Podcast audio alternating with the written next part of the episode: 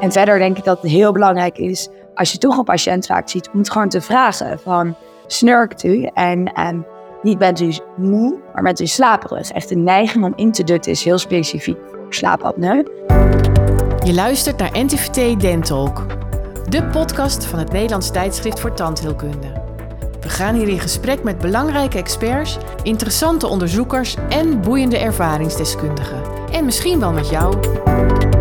Presentaties in handen van tandarts en adjunct hoofdredacteur Maurits de Kuiper. Naar schatting lijden wereldwijd ongeveer 1 miljard mensen aan het obstructieve slaapapneu-syndroom. Kortweg OSAS. Obstructieve slaapapneu kan tot allerlei gezondheidsklachten leiden en onderzoek is er dan ook op gericht om de diagnostiek en de behandeling hiervan te optimaliseren. Vandaag gaan we in gesprek met Pien Bosgieter, die na haar studie geneeskunde gepromoveerd is op dit onderwerp met een speciale aandacht voor de slaapendoscopie en de behandeling ervan. Na haar promotie in 2022 is ze nu postdoctoraal onderzoeker bij de Stanford School of Medicine in Californië. Ja, Pien, wat bijzonder dat je wilt aanschuiven. Helemaal vanuit de andere kant van de wereld. En uh, om bij het onderwerp te blijven, was het eigenlijk altijd al een droom van je? Ja, dank je. Um, nee, ik ben geneeskunde niet gaan doen met het idee dat ik uh, als onderzoeker zou eindigen eigenlijk. Maar uh, tijdens mijn promotieonderzoek bij de KNO naar slaapapneu trok de slaap me wel enorm en specifiek de apneus. Um, en zo ben ik er eigenlijk een beetje ingerold. Je hebt eigenlijk in de juni-editie van het NTVT eigenlijk de resultaten van je proefschrift uh, wat uit de doeken gedaan. Maar het bijzondere is wel dat je uiteindelijk na je studie geneeskunde in Californië bent geëindigd. Uh, hoe is dat zo gekomen? Ik was zoekende naar wat ik wilde doen na mijn PhD, want ik vond onderzoek doen en samenwerken met de industrie en uh, nou ja, kosteneffectiviteit en efficiëntieonderzoeken heel leuk. En toen was ik aan het presenteren op een World Sleep Conference in Rome. En toen werd ik benaderd door een professor van Stanford om te kijken of ik in zijn groep wilde werken. En uh, toen heb ik Stanford even gegoogeld. En dan lees je allemaal goede berichten. en toen dacht ik van, nou, dat, uh, dat wil ik wel. Ja, dat, dat, kon je bijna niet weigeren toen je dat allemaal las. Offer you can't resist. Ah, hartstikke leuk, joh. We gaan het zo meteen nog uitgebreid over jouw proefschrift hebben en de resultaten die jij uh, daarin hebt gevonden. maar ik wilde eerst even beginnen met een definitie van OSAS. Hè. Kun je ons nog eens meenemen? Wat is nou OSAS? wat zijn de gevolgen voor de patiënt? Ja, obstructief slaapapneu. Um, ja, de naam zegt het al, is het dichtvallen van de luchtweg in de slaap. En dat bestaat eigenlijk uit, uh, zoals we dat kennen, de AAI, de apneu-hypopneu-index. Zo uh, definiëren we het. En een apneu is eigenlijk het volledig dichtvallen van, de luchtweg. En daarmee het uitvallen van um, de luchtstroom.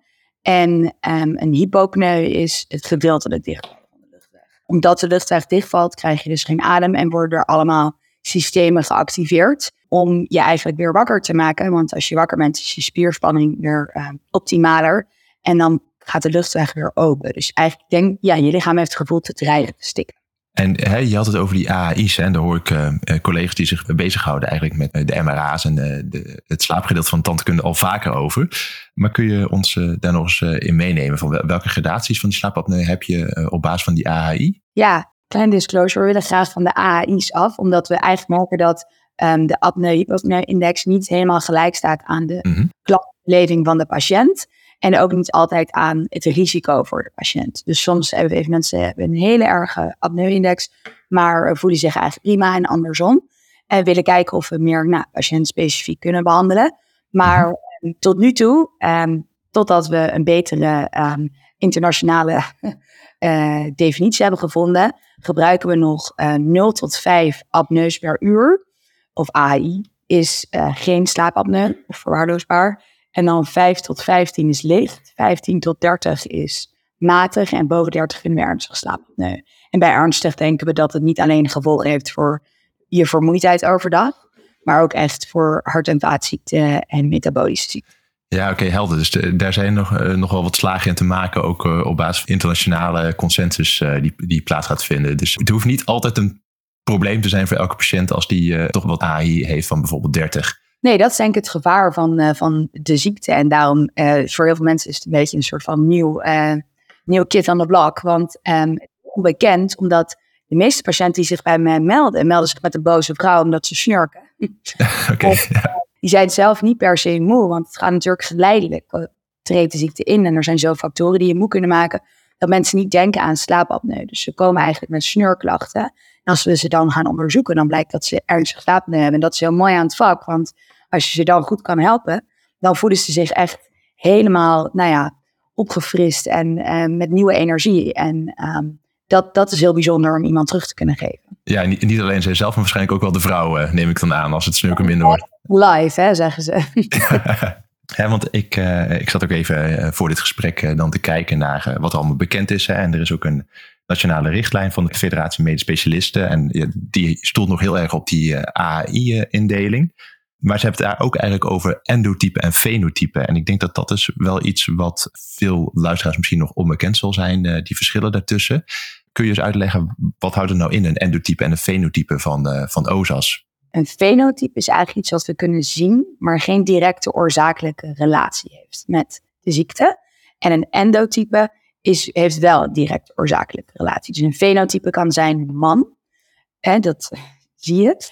Uh, Maar we weten dat mannen grotere kans hebben op het ontwikkelen van slaapapneu. Verder leeftijd en bijvoorbeeld remslaap, want dan is alles wat, heb je nog minder spierspanning. Mm -hmm. Dus ook weg nog makkelijker dichtvallen. En endotypes zijn juist dingen als een smallere kaak of een terugliggende onderkaak of um, nou ja, look gain, uh, p-crits. Uh, dat komen er een beetje ingewikkeld meer science uh, komt er dan bij kijken. Maar -hmm. vooral anatomie, uh, verminderde neuromusculaire functie en een lagere arousal threshold, nou dat soort dingen. Dus als ik dan een beetje zo samenvat, die fenotypen hebben er dan meer mee te maken van hè, hoe, hoe herken je eigenlijk een patiënt die mogelijk OSAS heeft? Hè, dus, de, ja. dus er zit meer in van hoe herken je iemand en die endotypen zijn misschien wat meer relevant ook voor eventuele oplossingen om die slaapapneu nou, aan te pakken. Hè. Dus er zit meer in de anatomie van uh, de, de keelholte of, uh, of andere dingen die je mogelijk zou kunnen gebruiken voor je therapie. Is dat, als ik het zo samenvat, uh, goed? Ja, ik, een heel belangrijk fenotype is inderdaad om een patiënt te herkennen. En endotype is om de oorzaak te herkennen. En de oorzaak zegt best wel veel. Hè? Er zijn verschillende dingen die het kunnen veroorzaken. Mm -hmm. Over de mogelijke behandeling die de perfect fit is. Want er zijn zoveel behandelingen opgepopt de laatste jaren. Dat we moeten wel kijken wie bij wat het beste meest baat heeft. En daar helpt endotyperen door. Ja, helder. En als we dan eerst eens gaan inzoomen op dat eerste gedeelte, hè, want die fenotype, hoe herken jij nou eigenlijk als standaard zo'n patiënt die mogelijk OZAS heeft, uh, het niet van zichzelf weet uh, in de praktijk? Ja. Uh, want ik kwam ook tegen in die richtlijn van de Federatie van Medisch Specialisme is eigenlijk, hè, we gaan heel erg uit van het stereotype patiënt, hè, de, de man van middelbare leeftijd met overgewicht. Maar eigenlijk doen we daar dan ook heel veel patiënten mee tekort, als ik het zo goed zeg. Hè, want er zijn heel veel manieren waarop het zich kan uiten. En uh, je hebt ook wat van die manieren onderzocht in je proefschrift. Hoe kun je nou zo'n patiënt uh, herkennen? Um, hoe herkennen we nou eigenlijk zo'n patiënt in de tandartspraktijk? Ja, heel goed punt. Ik heb heel veel gespeeld met de gedachte dat in principe een Nederlander twee keer per jaar naar de tandarts gaat. Dat de tandarts een geweldige screener zou kunnen zijn. Uh, maar het lijkt helaas niet makkelijk uit mijn onderzoek. Dus we hebben gekeken naar allemaal onafhankelijke tandheelkundige karakteristieken. Um, zoals de beet en de stand van tanden ten opzichte Uh, maar onafhankelijk van elkaar, als je niet uh, voor gewicht en leeftijd, als je dat allemaal niet meeneemt, dan zijn het helaas, kunnen ze niet uh, behandeluitkomst of um, de ziekte zelf voorspellen. maar er zijn absoluut wel dingen waar je op kan letten. Dus naast de standaard leeftijd, gewicht en geslacht, is absoluut een hele terugliggende onderkaak um, een aanwijzer. Het lijkt ook alsof bruxisme een rol speelt. En daar heeft Frank Lobbe zoveel onderzoek naar gedaan. En verder denk ik dat het heel belangrijk is, als je toch een patiënt vaak ziet, om het gewoon te vragen van, snurkt u? En, en niet bent u moe, maar bent u slaperig. Echt een neiging om in te dutten is heel specifiek voor slaapapneu. Anders is dan moe zijn. Maar ook wordt, moet u vaak s'nachts plassen, want omdat je dus slaapapneu hebt, word je heet uit je diepe slaap gehaald. Dus je hebt geen dromen. En als je in de lichte slaap bent, dan ben je weer alerter voor het signaal dat je naar de wc moet. Dus mensen moeten opeens heel vaak plassen. Dat heeft niks met een blaas maken, maar met diepte van de slaap te maken. Zwetend wakker worden, happend naar adem. Ik denk dat symptomen uitvragen als ze toch in de stoel liggen, tot nu toe nog steeds het beste is. We zijn heel erg op zoek naar um, ja, meer factoren die we van uh, de foto's uh, kunnen achterhalen die we maken in de tandartspraktijk. Dus afstand tot hyoïd en um, andere soort van afstanden die we makkelijk kunnen meten. Maar uh, zover zijn we nog niet. Het gaat dan met name eigenlijk om de ervaren uh, slaperigheid van zo'n patiënt. En uh, heb je daar dan ook een gestandardiseerde vragenlijst voor die ons misschien uh, kan helpen in de praktijk? Ja, um, ik gebruik vooral niet de ESS. Maakt me populair door dat te zeggen. Maar Moet je ons even helpen, Pien? De ESS, dat staat voor? Edward Sleepiness Skill. En dat de meest gebruikte, omdat een hele korte vragenlijst van zes vragen. Maar die vragen zijn totaal irrelevant in het leven van heel veel mensen. Dus dan scoor je automatisch heel laag. Um, en dat is dus, ja, stroomt niet met uh, de klacht vaak. Dus een goed gebruikte lijst is PSQ9. Um, ehm, dat is een questionnaire die veel ook in onderzoek wordt gebruikt. En er zijn heel veel slaperigheidslijsten. Maar ik denk eigenlijk dat dat niet eens het belangrijkste is. Want als, je, als het balletje bij de patiënt gaat rollen van... oh, ik ben eigenlijk heel moe en, ik heb ook deze en deze klacht... dan wordt het vaak snel wel een typisch verhaal.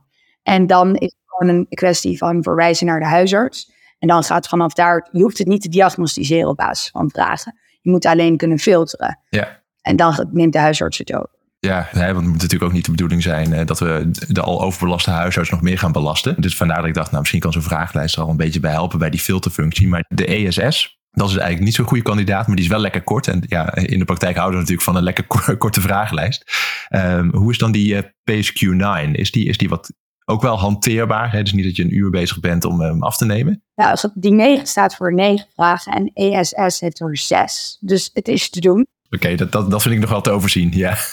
maar het blijft lastig, omdat we zijn door zoveel verschillende factoren moe. En er zijn ook heel veel slaapstoornissen. Dus ook al eh, het niet slaapapneu, kan er wel een andere slaapstoornis spelen die aangepakt kan worden. En dat het tandarts wel een arts is die je als enige op geregelde basis ziet, uh, zou het kunnen zijn als arts, zeker in slaapproblematiek. Um, kunnen assisteren met filteren. Ja, ja. ja ik denk uh, in die zin dat het, uh, we inderdaad een wat unieke positie bekleden. Omdat we uh, eigenlijk een langdurige bandenrelatie hebben met zo'n patiënt. Er zijn natuurlijk verschillende momenten in het leven ehm, waarbij slaaprijheid een rol kan spelen. Hè. Dus jonge ouders zijn natuurlijk één ding. maar het wordt wel een aandachtspunt op het moment dat het ook echt tot problemen gaat leiden. En ik denk dat het inderdaad ook wel een goede boodschap is aan de luisteraars om uh, niet alleen te denken aan de tandkundig gerelateerde zaken, zoals slaapopneu, maar uh, ja, die functie te kunnen vervullen voor onze patiënten die uh, misschien last hebben van andere slaapstoornissen en daar dan op tijd hulp bij inschakelen via de huisarts. we hebben eigenlijk dat stukje gehad over van hoe herkennen we dan zo'n patiënt in de tandartspraktijk. En dat blijkt dus eigenlijk best wel lastig te zijn. in ieder geval het punten van slaperigheid is iets wat we dus actief kunnen vragen aan zo'n patiënt. Wat gebeurt er dan op het moment dat we uh, zo'n patiënt verwijzen naar de huisarts? Wat gaat die dan eigenlijk voor testen doen om inderdaad uit te sluiten of het gaat om slaapapneu? Ja, nou daar zijn ook heel veel ontwikkelingen op dat gebied. Um, er zijn eigenlijk twee grote bekende slaaponderzoeken. Uh, eh, PG, polygrafie, en PSG, polysomnografie. En het verschil zit ook in de naam. Dus in PSG zit somno en dat is echt slaap. En dus die uh, test die kan echt meten of je slaapt, omdat um, de hersenactiviteit wordt gemeten middels een EEG. En bij een polygrafie doen we dat niet. Dus dat zijn de eenvoudigere slaaponderzoeken. En daarmee wordt gewoon de tijd in bed gemeten. En nou, door activiteit, um, in principe probeert de test al te bepalen of je wakker bent of slaapt, maar het is iets minder nauwkeurig. Waardoor je de ziekte kan onder- of overschatten. Maar ja, we moeten ook nadenken over de kosten van onze zorg. Dus dat is een discussie die we nu aan het voeren zijn van bij welke patiënten vinden we het essentieel om een polysomnografie te doen. En bij welke patiënten kunnen we ook best een polygrafie doen. Maar de huisarts zal verwijzen naar, dat is interessant, dat is in Nederland, we hebben niet een specialisatie slaapgeneeskunde. Dat is een van mijn dromen. Um, om dat op te zetten. Maar uiteindelijk kan de huisarts verwijzen naar de KNO-arts, de longarts, de kaakchirurg of de neuroloog of een psychiater of echt een slaapinstituut zoals Kempenhagen voor um, diagnostiek. En dat is nu ook lastig, want het ligt er nogal aan bij welk specialisme terechtkomt, welke behandeling je zeer waarschijnlijk als eerste aangeboden zal krijgen. Dat is jammer nu in ons systeem. En vanaf daar uh, krijg je een intake. Het verschilt een beetje per afdeling, maar het komt vooral neer op inderdaad goed uitvragen van de slaap en de klacht en vaak een klein lichamelijk onderzoek. En dan zal in de meeste gevallen een polysomnografie volgen. En de huisarts zou ook zelf een polygrafie kunnen aanvragen. Maar de meeste huisartsen verwijzen van polysomnografie naar de specialist. En dan um, nou ja, kan je thuis of in het ziekenhuis slapen met uh, veel toeters en bellen. En uh, op basis van de uitkomsten kunnen wij dan um, nou ja, de slaapapneu diagnosticeren, andere slaapstoornissen bekijken. En uh, gaan bedenken welke behandeling de beste kans van slagen heeft. Oké, dus er zit uh, nogal behoorlijk wat uh, effort in, ook vanuit de zorgverlener eigenlijk, om dat uh, vast te stellen. En als je dan inderdaad hebt vastgesteld dat iemand slaapapneu heeft, hoe ziet dat traject er dan uit naar nadenken over mogelijke oplossingen? Ja, dat maakt dus best uit bij welk specialist je bent. Ik zat bij de KNO, en, maar in het OVG werken we wel vanuit een slaapcentrum. Dus iets multidisciplinairder dan in het algemeen. Dus wat wij deden is sowieso de gouden standaard in Nederland is als je ernstig slaapapneu hebt, begin je altijd met CPAP. Want CPAP werkt in principe altijd. Alleen kunnen, dat is dat apparaat wat je op je neus zet, wat positieve druk ehm, naar binnen blaast. Om eigenlijk uit open te blazen. Ehm, maar mensen kunnen dat niet even goed verdragen en vaak ook niet de hele nacht. Maar dat is wel waar je mee begint als je ernstig slaapapneu hebt of ernstig overgewicht. Ook als we het hebben over levensgeluk, hè? want je zei het eerder al van uh, happy wife, happy life. Uh, doorgaans wordt de partner er niet heel gelukkig van, van zo'n CPAP. Nee, en als je veel op reis gaat, is het ook ingewikkeld. Dus het is een heel mooi middel omdat het werkt, maar het is heel onprettig. Dus de, de compliance is laag. Dus er zijn heel veel alternatieven opgepopt. En binnen de KNO is dat bovenste luchtwegchirurgie en neurostimulatie. En binnen de kaakchirurgie is dat een MRA het naar voren halen van de onderkaak.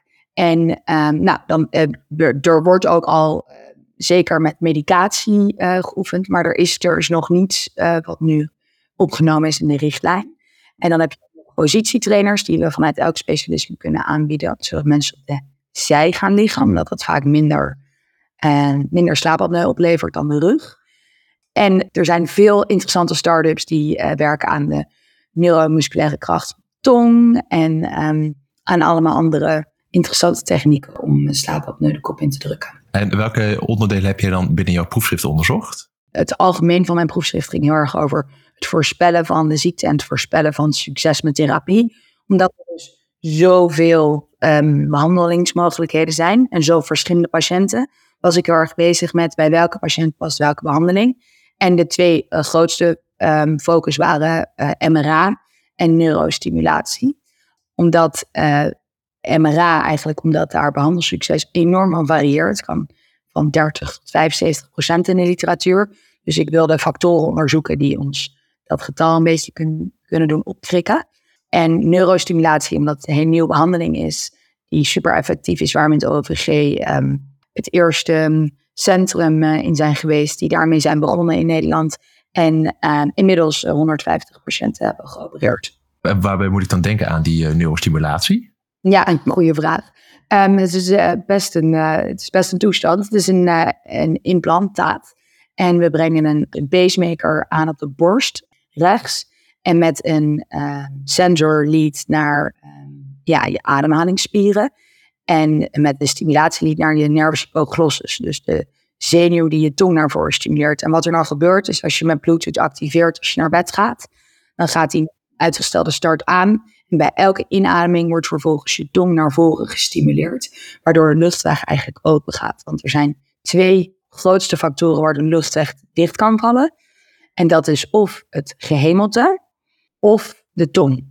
En als we denken bij mensen dat het tong-driven is, dus basis van de tong, dan eh, maakt neurostimulatie een grote kans op succes. Dus eigenlijk gewoon doordat het apparaatje het uitsteken van je tong triggert, krijg je dus meer ruimte in die bovenste luchtweg, waardoor je ja. Ja, slaapapneu uh, als het goed is minder wordt. Ja, dus bij elke inademing um, komt je tong naar voren, waardoor je meer ruimte krijgt in je luchtweg om de lucht te laten stromen. Het is echt een heel mooie behandeling, maar het is wel intensief, want het is natuurlijk een implantaat. Het is duur, uh, waar we in onze zorg ook rekening mee moeten houden. En het is niet voor iedereen, want het is wel, hè, je krijgt wel die stimulatie s'nachts. Dus als je een hele lichte slaper bent of je hebt ook insomnieklachten, dan uh, moeten we heel goed denken um, of het wel geschikt is. Dus ik denk dat uh, filteren of kijken wie er geschikt is voor therapie is de grootste uitdaging van deze behandeling.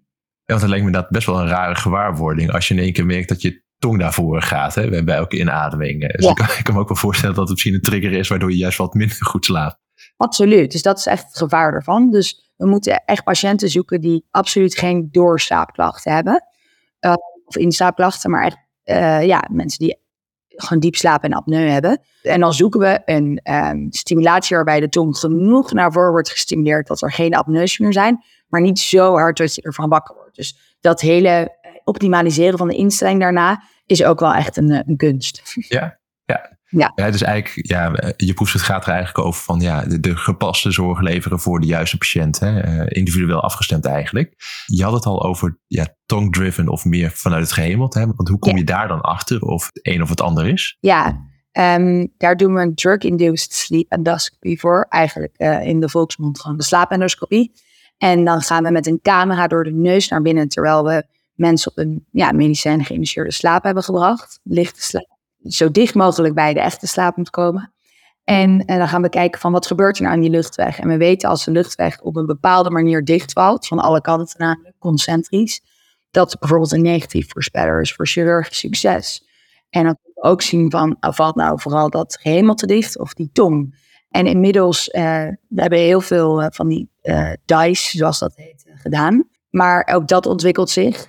En um, op dit moment op de University of Pennsylvania Philadelphia zijn ze weer een stapje verder um, daarmee. Doen ze heel veel onderzoek naar wat, wat zegt het nou, meer drukmetingen nog. Um, en nou ja, we volgen hun uh, allemaal wel op de voet. Dus uh, vanuit daar uh, denk ik dat we weer dichter bij die endotypen komen. Dus ik denk, zij zijn echt bezig met het definiëren van nieuwe endotypen. en dan moeten we gaan vertalen naar, oké, en als het nou zo'n endotype is, bij wie uh, welke behandeling is dan inderdaad juist? En daarvoor moet je gewoon heel veel onderzoek doen. Ja, ja. Nou, een uh, uitdagend vakgebied. Uh, en nou, het zou natuurlijk heel erg mooi zijn als jouw droom op een gegeven moment uitkomt dat er inderdaad een echte specialisatie slaapgeneeskunde hier in Nederland komt. Mm want dat is ook wel wat je bij meerdere onderwerpen hier in de podcast terug hoort. dat vaak multidisciplinaire samenwerking wel, wel heel erg gewenst is. Ja. In je proefschrift hè, heb je dus die nervus hypoglossal stimulatie onderzocht. Maar je hebt ook wat onderzocht over, uh, over MRA's. Kun je daar nog eens wat over vertellen? Ja, we hebben het idee gehad uh, met zo'n slaapendoscopie dat als je de onderkaak naar voren haalt met een jaw manoeuvre en de apneu valt weg, dan simuleer je eigenlijk het effect van een MRA. Dus we dachten dat dat een voorspeller zou zijn voor um, behandelsucces met zo'n beugel tijdens slaapendoscopie. Nou, dat hebben we onderzocht. Dat bleek helaas niet zo te zijn. Maar we dachten, als we toch zo'n slaapendoscopie doen, dan zou het wel mooi zijn als we ook kunnen screenen. Niet alleen op chirurgisch succes, maar ook op succes met een MRA, omdat die succeskansen nogal variëren. En toen hebben we het met een nieuwe generatie MRA geprobeerd, waar ik heel enthousiast over ben. Nou ja, het ouderwetse boil and bite, dus je kan hem gewoon in kokend water leggen en happen. Maar hij is wel titreerbaar, dus je kan hem opschroeven en instellen. En hij heeft een veel betere retentie dan de ouderwetse boil and bite. Dus het is eigenlijk een heel mooi, uh, goedkoop model die je al tijdens de slaapendoscopie in kan doen. En het bleek inderdaad uit mijn onderzoek dat als mensen, als de apneu volledig wegvalt, als ze de beugel in hebben, dat ze daarna, als ze de beugel gingen dragen voor drie maanden en een slaaponderzoek kregen, een polysomnografie, dat ze inderdaad een betere kans hadden op behandelsucces, een grotere kans. Dus dat is eigenlijk heel, heel interessant om te zien. Nou hoor ik iedereen denken van, Gaan we nou iedereen een DICE geven voor een MRA? Absoluut niet. het was meer onderzoekstechnisch dat dat interessant was om te doen. Ik denk wel dat zo'n beugel die veel goedkoper is, een heel mooi screeningsmiddel is. Dus wat ik voorzie, of wat ik graag zou willen, is dat we in een tandartsenpraktijk, maar ook in een, hè, zelfs een KNarts zou het aan kunnen meten, want het is gewoon happen in warm water. Mm dat we eerst zo'n uh, goedkope versie gebruiken. Dan kunnen patiënten zien van, snurk ik nog steeds? Kan ik het wel verdragen? Want heel veel mensen krijgen een op maat gemaakte MRA en moeten volgens kokhalzen of kunnen er niet mee slapen. Zonde. Dus ga nou eens drie maanden ermee slapen. Dan kunnen we eventueel een slaaponderzoek doen om te kijken of het werkt. En werkt het, dan kan je zo'n echte MRA, een op maat gemaakte versie, um, laten aanmeten. Want in een ander onderzoek heb ik bewezen dat zowel het objectieve als het subjectieve behandeleffect van de nieuwe generatie Boyan Byte en de custom hetzelfde zijn.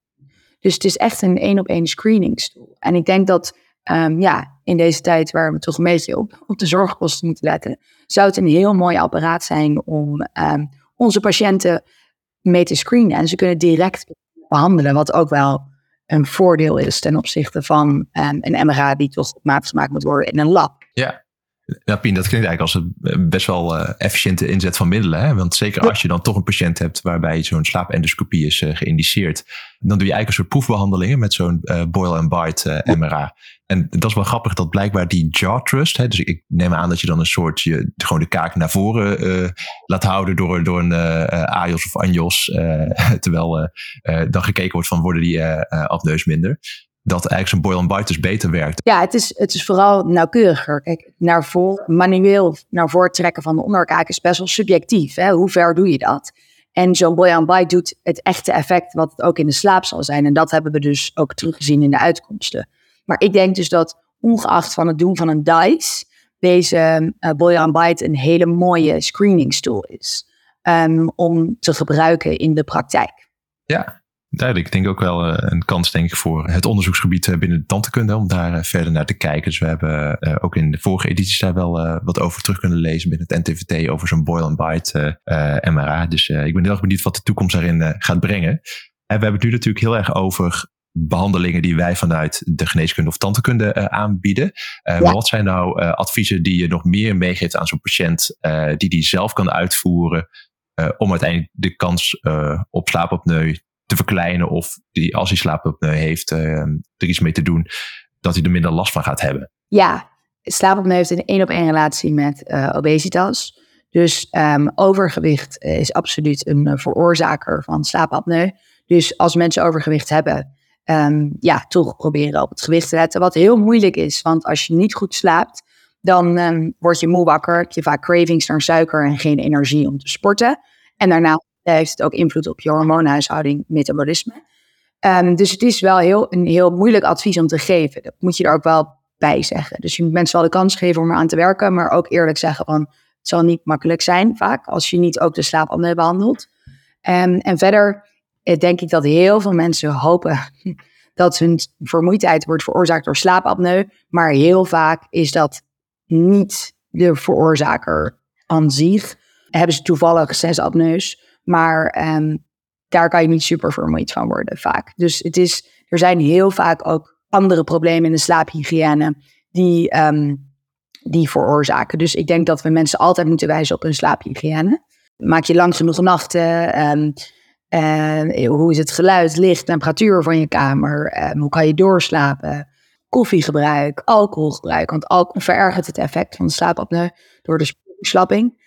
Um, dus er zijn wel factoren waar we patiënten op kunnen wijzen. Maar je kan niet zelf, behalve door af te vallen, kan je niet zelf slaapapneu behandelen. Um, dus je hebt wel vaak een behandeling nodig. Ja, en daar heb jij eh, binnen je proefschrift uh, onderzoek naar gedaan. Uh, wat dan doelmatig is en om die zorg wat beter aan te passen op de individuele patiënt. Ja.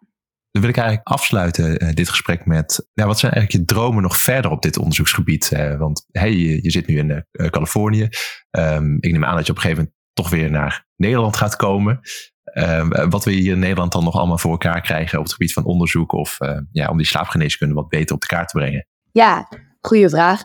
nu wil ik heel veel. Dus ik moet waarschijnlijk een beetje meer focussen. Maar slaap heeft me absoluut getrokken. Dus ik voorzie zeker dat ik daarin blijf werken. Ik vind het heel leuk om samen te werken met de industrie om innovaties um, te stimuleren en ook te onderzoeken.